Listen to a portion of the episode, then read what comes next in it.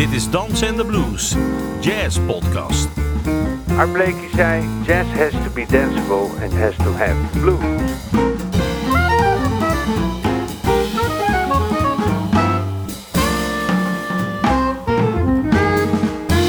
Je luistert naar een aflevering van Dansen en de Blues.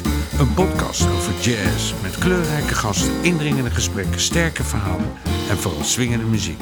Mijn naam is Ben van der Dungen en vandaag spreek ik met een bijzondere muzikus. Je zou hem misschien een laadbloeier kunnen noemen. Een swinger met een niet alledaags instrument. Zijn talent is internationaal niet onopgemerkt gebleven.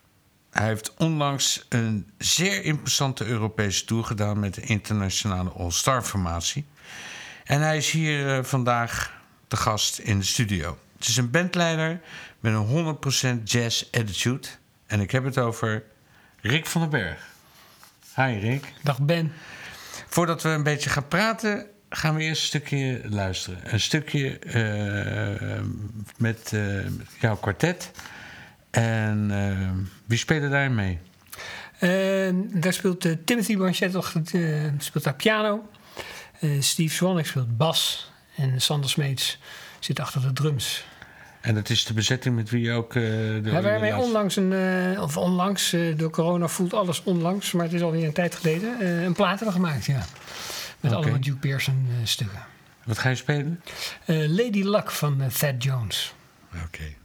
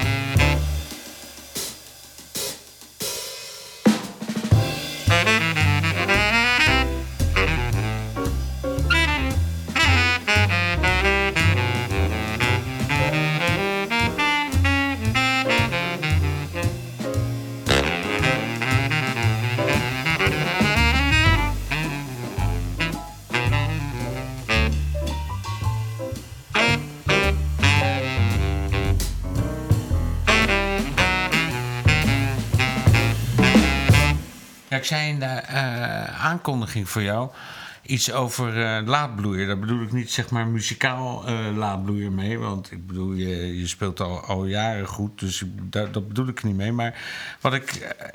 dat je toch op, op, op, op latere leeftijd opeens zo'n impuls in je carrière krijgt. Dat is best bijzonder. Dat, dat gebeurt niet altijd. Hè? Dat je gewoon opeens gevraagd wordt tussen allerlei cats en de hort op gaat, zeg maar. Nee, ik had het ook niet helemaal zien aankomen. Maar uh, kijk, ik ben ook niet nooit heel erg zo bezig geweest met een carrière uitstippelen. En uh, kijk, het leven is maar zeer ten dele maakbaar. En mm -hmm. je doet je best. En ik heb onwijs veel plezier in wat ik doe. En dan is dit inderdaad een cadeautje op nou ja, ik ben 50, 51, 51 ja. Hey, maar dan, ja, je zit ook niet met, uh, met de eerste de beste eigenlijk. Hè? Ik bedoel, heel ook mensen die, die studeren hun hele leven voor een kans die nooit komt. Ja, tragisch hè? Ja, en, en bij jou komt hij zomaar uit de lucht van? Ja, ik weet niet of hij uit de lucht... Ja, het heeft natuurlijk wel een beetje een voorgeschiedenis. Uh, ik heb jaren geleden een keer uh, een, een, Deense baritonsaxofonist aan het werk gezet om iets met Gary Smullin en drie baritons te doen. En toen hebben we een toertje gemaakt. Toen heb ik Gary goed leren kennen. We hebben dat nog een tweede keer gedaan. En Gary was gecharmeerd kennelijk voor mij, want hij heeft mij overal hartelijk aanbevolen. Dat is mooi. En, en ook met, met deze gasten. Hoe heette die band? Want... die band ging gaten door het leven, want ik geloof wel dat er nog een vervolg op komt.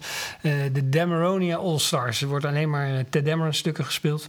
En het is een initiatief van de drummer Bernd Reiter, een Oostenrijkse jongen die in Parijs woont. En uh, ja, zijn, een van zijn wensen was om uh, met een no-net al die Ted Dameron stukken te spelen. En waarom een no-net? Of uh, zeg ik iets raars? Is het no-net vanwege... Ja, Ted Dameron heeft een aantal stukken met no-net opgenomen. En ehm, ja, Philly Joe Jones heeft zo'n Damaronia-plaat gemaakt. Daar komt ook wel, een, denk ik, zijn, zijn hartstocht voor, voor Ted Dameron vandaan. Oké. Okay. Um, ja. Hey, en hoe, hoe, hoe, uh, hoe gaat dat nou? Je, bedoel, je, je krijgt een belletje. Je krijgt een belletje en uh, dan uh, reageer je zeer verheugd. En dan hang je op en dan denk je: Mijn god, dit was, dit was nou ook weer niet de bedoeling. En dan krijg je gewoon een hele lijst met. Pak een beet. Hoeveel concerten heb je gedaan? We hebben 15 concerten in 16 dagen gedaan. Uh, van hot naar her. dus we begonnen in Kopenhagen, dan naar Hamburg. De volgende dag in Londen en daarna de volgende dag in Wenen. Dus het was een hoop verplaatsen. En uh, een Dropbox-mapje met uh, wat arrangementen. En dan spreken we af in Kopenhagen. En dan repeteren we een uur. En dan, uh, Kopenhagen, de Jazzhouse of Montmartre? En Montmartre, ja. Ah, leuk. En wie zaten erin? Voordat we een stukje gaan luisteren, kan je misschien eventjes uitleggen wie er allemaal... Uh, Jim Rotondi speelt trompet. Een, een New Yorkse trompetist die op dit moment in Graz les geeft. En Dick Oates speelt alt saxofoon uh, Jean Boutillier, een Franse jongen op uh, tenor. Uh, Johannes Herlich speelt trombone. Een Duitse jongen, Andrea Pozza, Italiaan, piano. Aldo Zunino, een bassist die jarenlang met Steve Grossman in het kwartet heeft gezeten. Ook een Italiaanse jongen. En Bernd Reiter, de initiatiefnemer achter de drums. Leuk, wat gaan we luisteren? On a Misty Night.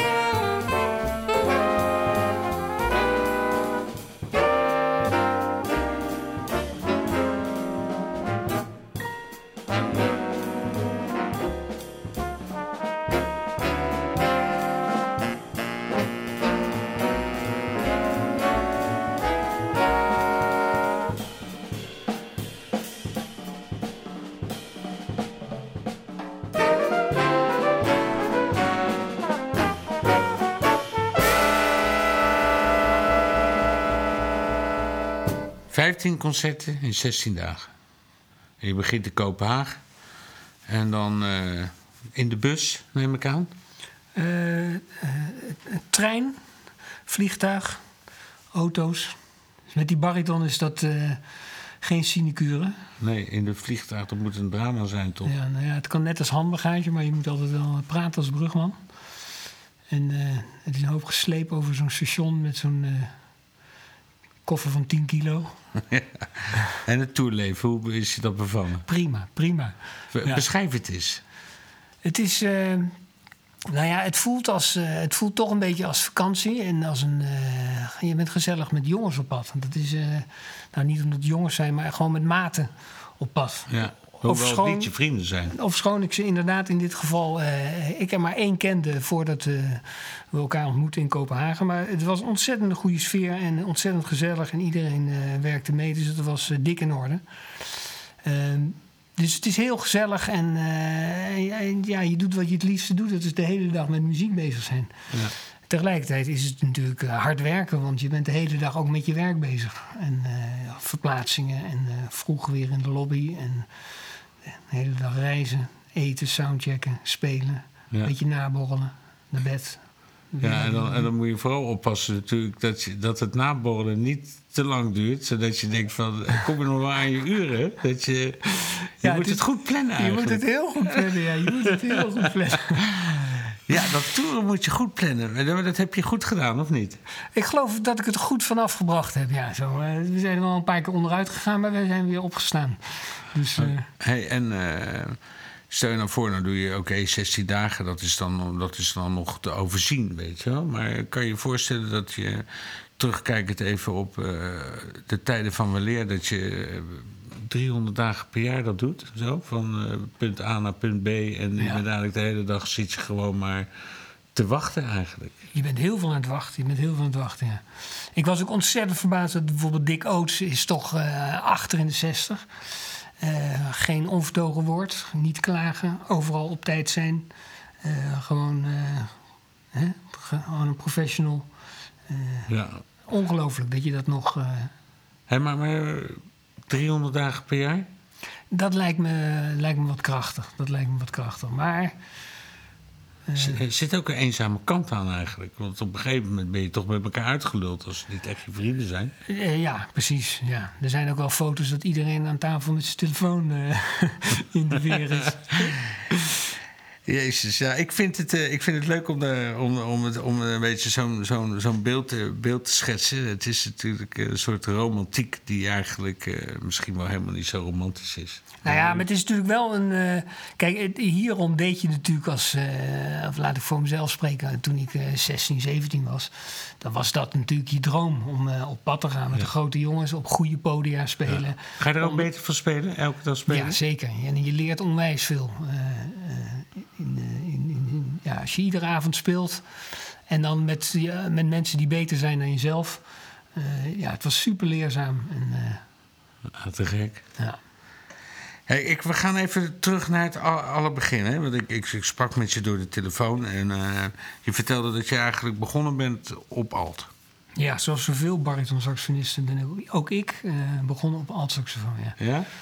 En eh, dan ga ik, eh, ga ik eventjes een beetje een lullige opmerking eh, vragen. Is, is die bariton een moedje of echt een keus? Nou, ik weet wel dat ik ooit op het conservatorium eh, op die plek zat van die, met, die bariton. En toen was het zeker een moedje, want toen was die alt was wel echt het ding. En Phil Woods was mijn held, dus ik wilde natuurlijk gewoon eerst de alt spelen. Maar na mijn conservatoriumtijd had ik eh, op een gegeven moment eh, een alt over. En die heb ik ingeruild voor bariton. En toen ben ik daarmee... Toen, ik had toen een kwartet met eh, Arno Krijger eh, op het Hammond-orgel. En toen speelde ik op dat ding. Toen was het een soort van... Ja, maar hè, hè dit nu... Dit is wat ik wil horen. Dit is de klank die ik... eh, eh, ja, die bij mij past.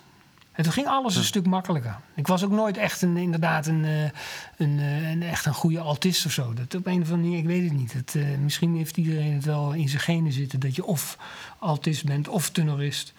Of in mijn geval uh, baritonsaxofonist. En als je dan... ja, dan heb je, heb je al die grootheden. Phil Woods, Parker, noem maar op. En dan heb je een bariton. Waar hou je dan al je vocabulaire vandaan? Dan ga je dan echt zeggen van nou, dat doen we dus niet meer, die hele... Hè, dat schaffen we af. Charlie Parker hoeft er niet meer naar te luisteren. Bij wijze van spreken natuurlijk. Het is een beetje open deur. Maar waar hou je je vocabulaire vandaan? Ehm, nou, in het begin, ik kom ook echt wel een beetje uit die, eh, uit die swinghoek, ook door mijn Bredaanse roots misschien. Eh, had ik wel wat Mulligan waar ik naar luisterde, maar toen ik Pepper Adams eh, voor het eerst hoorde, toen was het, eh, was het echt wow. Wacht even, dit is, dit is, dit is vocabulaire waar ik echt iets, ja, wat, wat, waar- wat ik iets mee kan en wat ook echt in, in het bebop en hardbop ritmesecties waar het bij past. Nog even terugkomend op, jouw eh, op jouw eh, jouw jouw verleden. En je zei je bent een Phil Woods fan. Ja. En daar ben je ook, zeg maar... Dat was de grote aanjager.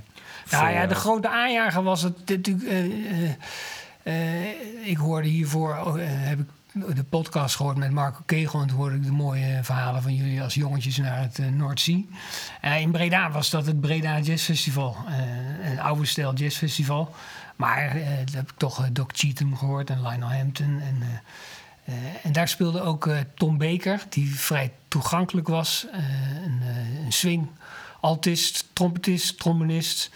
Ehm, speelde veel met Robert Veen. En hij zat een Oh. beetje in eh, een Australische... Nou, hij is Amerikaan, maar hij woonde in Australië. Inmiddels is hij alweer overleden. En dat was onze... Of in ieder geval was mijn held. Tom Baker. Tom Baker was mijn... eh, die, ja, die had een tof altgeluid. En eh dit was iemand waarmee ik me kon identificeren. Toegankelijk was. Dus ik had gesprekken met hem. Hij heeft nog op mijn eindexamenfeest eh, van... eh, even zitten jammen. En eh, ja, dat was... eh, Zullen we een stukje naar luisteren? ja, laten we een Wa- stuk, Wat, wat, eh, wat speelt hij? Hier speelt hij uh, alt-saxofoon eh, Lady Be Good. En het is een, echt een waanzinnig geweldige solo met een, een, een jam-bezetting. eh, die dan in Breda speelde. En vaak deden ze dan ook nog het festival in Berg op Zoom aan. En Enkhuizen gingen ze waarschijnlijk ook af. Dit is een opname uit Berg op Zoom, Lady Be Good. Thank you.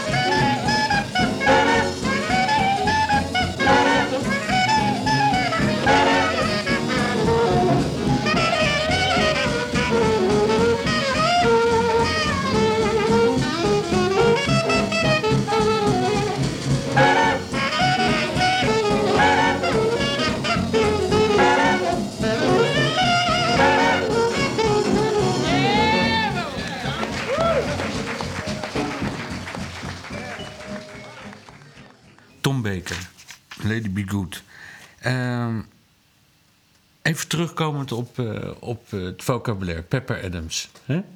Maar, eh, als saxofonist, als, als collega, dan denk ik... eh, de- heb ik altijd zo met, met, met, met bariton, weet je wel, dat je... Zit je dan niet voor een soort keus dat je, dat je eigenlijk harmonisch. Ja, je zit toch in hetzelfde gebied als de linkerhand van de piano misschien en de bas. Ik bedoel, wo- word je daar niet een beetje door, zeg maar, door gehinderd? Nou, ik denk eigenlijk dat daarom juist eh, die bariton mij lag. Omdat ik dat... eh, alles wat, eh, wat dissonant klinkt, hoor ik ook echt als dissonant. Ja, dus je neemt wel risico's. zeg Ik neem veel risico's, ja, en dat vind ik dan, ja, dus het geeft mij juist meer gelegenheid om, om tegen, de, tegen de muziek aan te wringen dan wanneer ik een octaaf hoger zit.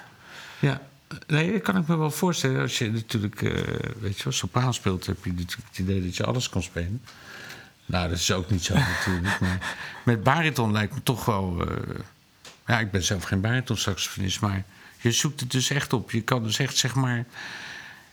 Laten we zeggen, als je ritmeschema s- eh, speelt, weet je wel...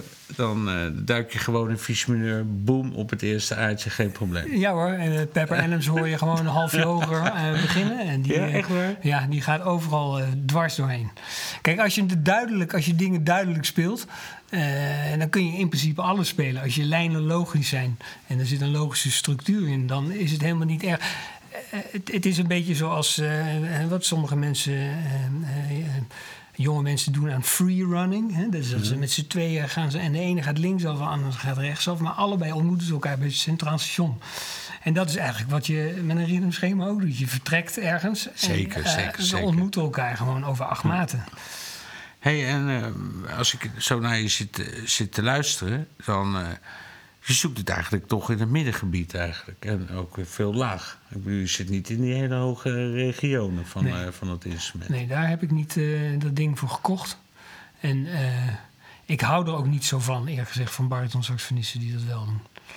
Het is een... het klinkt al snel een beetje een hoge kijkmijsfactor. Van kijk, dat kan ik ook.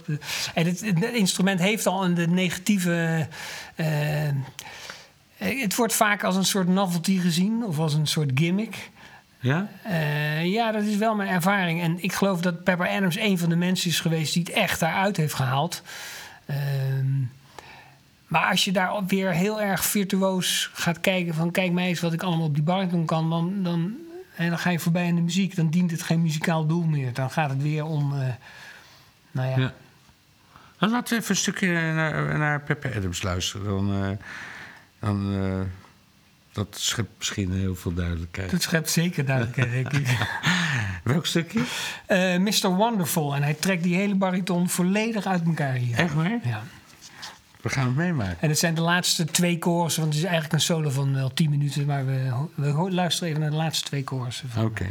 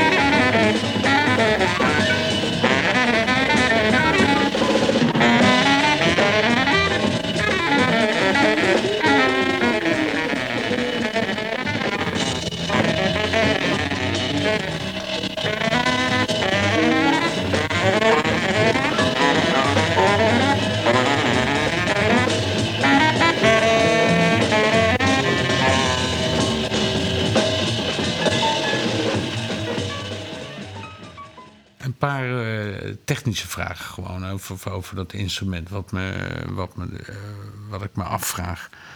Als je dat instrument nou hebt. Ik heb één keer bariton gespeeld en dat is me slecht bevallen. ik kon er namelijk helemaal niks van. Het, het schoot alle kanten op. Het is eh, toch is, is, toch een moeilijk instrument eigenlijk. Heel moeilijk. Ja, het is niet zomaar, je pakt eventjes dat ding. Wat vind jij nou moeilijk aan het bariton spelen? Wat is je, zeg maar, je, jou altijd je, de, de technische kant wat je Nou veel ja, er zijn een aan- aantal, dingen die lastig zijn aan een bariton. Te begin, zo te, eh, het is natuurlijk een heel groot instrument. Dus je moet een grote kolom lucht verplaatsen. Dus de kans dat je overal te laat bent met je inzetten is eh, vrij aanwezig. Dus eh, je moet heel erg voorin zitten qua timing. Eh, een ander ding is dat... nou ja, Pepper Adams heeft echt die lat opeens... hè, die heeft er echt een nieuwe maat gesteld. Van, oh, wacht even... eh, en als je hem zo ontzettend snel hoort spelen, dan moet je gewoon goed articuleren op zo'n ding. Want anders klinkt het echt alsof je eh, op een piano het pedaal indrukt en eh, op de onderste octaaf met je elleboog gaat rammen. Ja. Dat galmt maar door. Dus je moet echt heel, heel duidelijke attack hebben. Dus articulatie is ook een, is, is ook een ding. En de intervallen? Grote intervallen moeilijk? Is, is uh, grote intervallen is ook lastiger. Je hoort uh, een bariton saxofonist het ook niet, uh, niet heel veel doen. Ehm, het geluid is ook moeilijk. Het draagt, draagt minder ver. Dus je moet ook, bent heel lang op zoek toch naar een setup waarbij je ook achter in de kroeg te horen bent, zeg maar. Vaak blijft het geluid toch heel erg voorin hangen. Dus in tegenstelling tot, tot, tot, tot het, de grootheid van het instrument is het niet expliciet harder. Nee, ik denk niet dat het harder is. De lengte van de pijp heeft niet met het volume te maken. Nee. Nou ja, dat zou, je zou het zomaar kunnen bedenken. Je zou het zomaar kunnen bedenken, ja. Maar volgens mij is het niet zo. Oké. Okay. Hey, even, even, terugkomen op het feit dat je zei van het is een onpopulair instrument. Ja. Uh, nou ja, onpopulair klinkt alsof het uh, impopulair is. Maar het is niet... Uh, ja, ik weet niet waar dat aan ligt. Misschien dat het publiek die frequentie niet kan verwerken of zo. Bij bassolos gaan ze er ook doorheen praten. Dat vraag ik me ook altijd af. Waarom doen ze dat dan? Ja, ja, dat is, vind ik geen vergelijking. nee, maar kijk, waarom ik dat zeg, waarom ik erop begin, over begin, is dat, dat, dat ik denk dat, dat heel de wereld gewoon uh, die bariton gewoon kent van, ja, dat is misschien wel de, de beroemdste popsolo ooit. Op, ja. Uh, huh? Ja. Ja, Ronnie Ross on the, uh, Walk on the Wild Side. Walk on the Wild Side, ja. Met Lou Reed. Ja. Ik, dat kan je toch niet. Uh, dat is toch wel een heel bijzonder moment. En het is een heel kort solootje. Heel ze, draaien het, ze draaien het gelijk weg. Dus ze draaien het weg. En het, ik vind het zelf ook. Uh, uh, hoe die inkomt is, is vrij sterk. En daarna is een hoop gemompelgehalte eigenlijk. ja, wat wonderlijk is. Want Ronnie Ross was echt een, echt een geweldenaar. En, hij komt uit, uit de Londense scene. Hij speelde met Tubby Hayes en Pete King. En die scene zat oh, ja? een beetje. En uh, ik, ik, denk dat veel uh, mensen die niet zoveel naar jazz luisteren... misschien ook wel kennen van die oude Matt Bianco platen. Daar werd hij dan voor ingehuurd als studiojockey. Maar het was een supergoeie... Ja, en ik bedoel, het, het past ook gewoon zo genadeloos goed in dat, in die hele, in dat hele stuk. Ja, ja. Het is gewoon eigenlijk de kers op de slagroomtaart eigenlijk. Ja, hè? ja. Ik, zullen, we, zullen we dat even uh, Ja, ik heb iets leuks meegenomen. Dat heeft Erik Ideke me jaren geleden een keer gegeven. En dat is een opname uh, uit, uh, uit mijn hoofd 85 of 86. En toen speelde hij met Ronnie Ross. En dat was in het Barbiertje in Naaldwijk. Nee, in Hellevoetsluis. In Hellevoetsluis. Ja, in Hellevoetsluis. Ik, ik, weet het nog Je namelijk. Hebt er ook gespeeld, ja? ja, hele leuke tent. Oké, dan gaan we even naar luisteren. Ronnie Ross. Sweet and Lovely heet het stuk.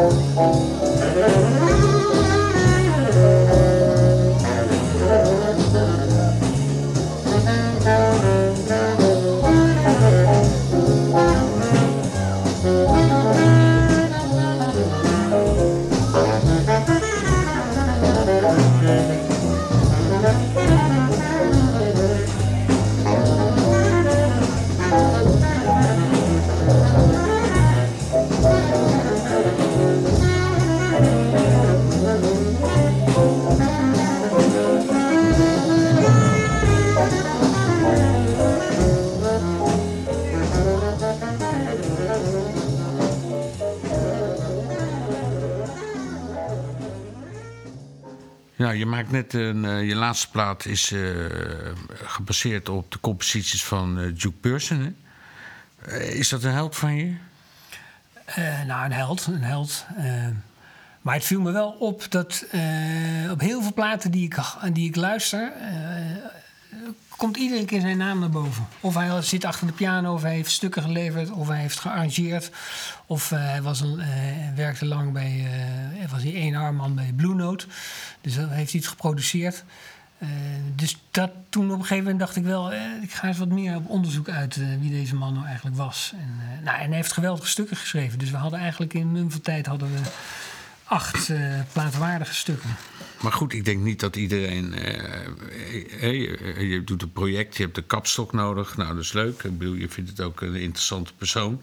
Maar wie kent nou Duke Pearson? Ja, kijk, mijn, Ja, wij misschien. mijn verkoopstrategieën zijn inderdaad altijd zeer zwak. Want ik had natuurlijk beter een, eh, het Mulligan Songbook eh, kunnen doen. Ja. Dat had beter, beter verkocht.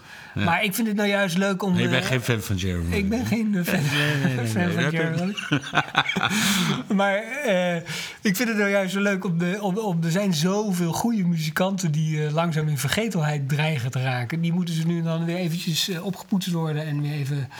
iemand moet daarmee aan de slag. Het is doodzonde als dat. Nee, ik snap het ook, maar ik zat een beetje te vragen naar de bekende weg. Maar als je, je moet toch ergens een held hebben, weet je wel? Oké, als, als, ja, als saxof- saxofonist heb je altijd natuurlijk een voorbeeld... in, en iemand waarmee je waar je een soort adoratie van... een natuurlijke verbinding mee hebt of weet ik veel wat. Maar als je kijkt even de jazzmuziek in een groter spectrum... wie, wie zijn dan eigenlijk jouw zeg maar, mensen die je toch eigenlijk altijd bij je draagt of die je gewoon. Ja, die altijd vindt. weer terugkomen en die Ja. weer, eh, weer gaan draaien of blijven draaien. Ehm, nou ja, waar we net al van de bariton saxofonist is het natuurlijk Pepper Adams en, eh, is dat, eh, en Parker is het natuurlijk eh, als altist. En Harry Carney vanwege zijn geweldige geluid. En Harry Carney, ja, dat is, komen we natuurlijk bij Ellington terecht. Ellington is wel een altijd terugkerende... Zoek. Ja, dat vind ik ongelooflijk. Die heeft iets. en wat ik waanzinnig aan hem vind en ook aan Dizzy Gillespie, dat ze zo ook in staat zijn om eh, hun, hun eigen koers te varen muzikaal. En, eh, en toch dat voor een heel breed publiek weg te zetten. Dat iedereen. Ja. En dat brede publiek. Kijk, dat, eh, als, je, als je ze. Ik heb Duke Ellington nooit gezien, maar als je naar Dizzy kijkt, dan eh, zit je natuurlijk naar. eh, ja, je, je wordt eigenlijk alleen als je naar kijkt, word je er wel vrolijk van. Ja? Het is eigenlijk ook onwijs leuk om naar zo'n man te kijken. ja. Dat, dat heeft niet iedereen. Nee, dat heeft zeker niet helemaal. Maar, eh, Het speelplezier. Het speelplezier heeft eh, Gillespie zeker. Dat hebben ook alle mensen die met hem gespeeld hebben. Ik ben geen grote Paquito de Riviera fan, maar wat je wel als je hem ziet spelen, heeft hij ook dat enthousiasme. En James Moody had dat ook altijd, Ja. dat enthousiasme. Die gasten hebben allemaal. Muziek is leuk. Muziek is. eh, we kunnen er heel serieus over doen en dat doen we ook de hele dag eh, om een bepaald niveau te bereiken. Maar het moet wel een beetje een seksappeal hebben. Het moet wel een seksappeal hebben. En het is ook leuk. Het blijft toch... Kijk, we En zijn niet wel te corny. Het niet te corny worden.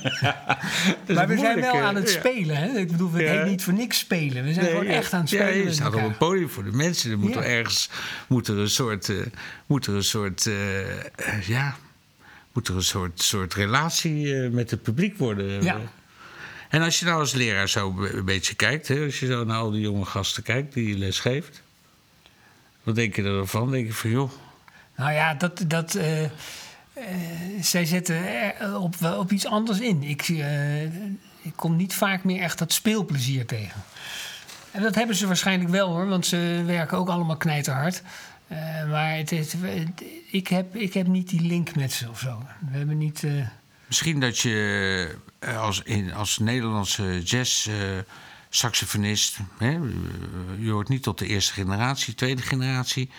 Eh, ik zelf als, als tenorsaxofonist heb, heb natuurlijk wel een aantal, aantal voorbeelden uit, uit, Nederland... Weet je, die, eh, die belangrijk zijn geweest omdat ze ook les hebben gegeven. Die baritonsaxofonisten hebben eigenlijk nooit op het conservatorium les gegeven. Van, wie zou jouw held zijn, zeg maar?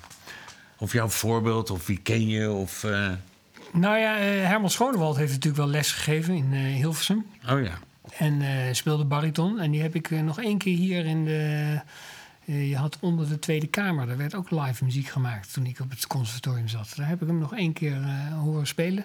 Op bariton of alt? Ja, nou ja, het feit dat ik me dat al niet meer kan herinneren, dat Oh ja. zegt eigenlijk al voldoende. Ik zat toen, was toen ook meer met die alt bezig. Maar, dat, maar er zijn inderdaad is er niet zoals eh, mensen Ruud Brink hebben als voorbeeld. Of, of Ferdinand, Ferdinand Povel. eh, die op de bariton-saxofoon hebben we die niet. We hebben natuurlijk wel een aantal mensen zoals Jan Menu die, eh, die te gek speelt. En Gijs Hendricks, hè? en Gijs Hendricks natuurlijk. Ja. Heb je daar wel eens naar geluisterd? Eh, daar heb ik wel, eh, wel eens naar geluisterd. En Je mag nee zeggen. Ja, nee, ik heb er wel eens, wel eens naar geluisterd. Maar het, zit, eh, eh, het is een, ander, eh, een andere hoek die ik, eh, die ik opzoek eigenlijk. Ja, nee, ik snap het. Jij komt eigenlijk, zeg maar... ja, je bent muzikaal misschien wel begonnen in Breda... maar je bent eigenlijk gevormd in, in Den Haag. Ja, zeker. Met ja. een groep mensen om je heen die, die we allemaal kennen. Ja.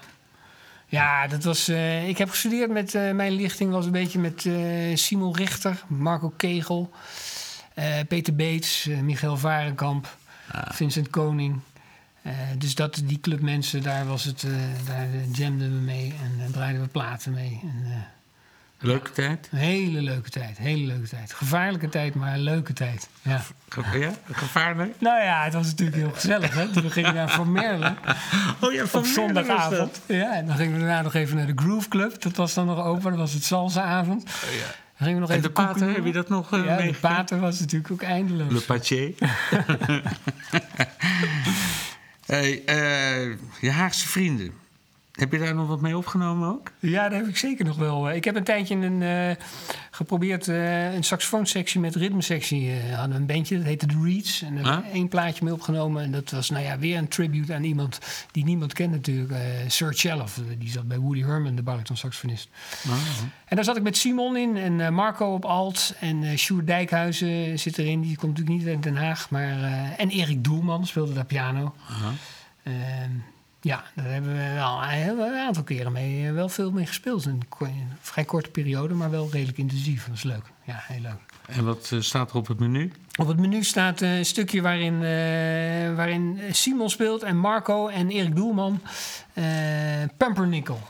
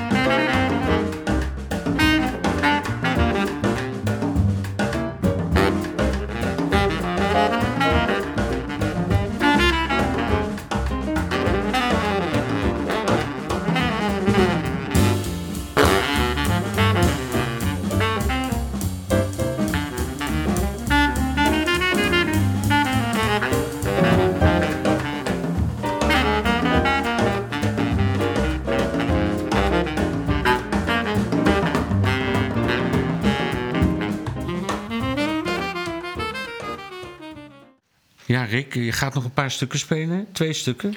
Met je, Twee met stukken je groep. spelen. Ja, ja. Welke stukken ga je spelen? We gaan spelen eh, When Sunny Gets Blue. Eh, en het tweede stuk is een stuk wat ook op de plaat staat van Duke Pearson. En dat heet New Girl. Hey, hartstikke bedankt voor het eh, langskomen. En Ja, goede muziek. Leuk dat je me uitgenodigd Nou hebt. ja, tuurlijk. We gaan luisteren. Ja.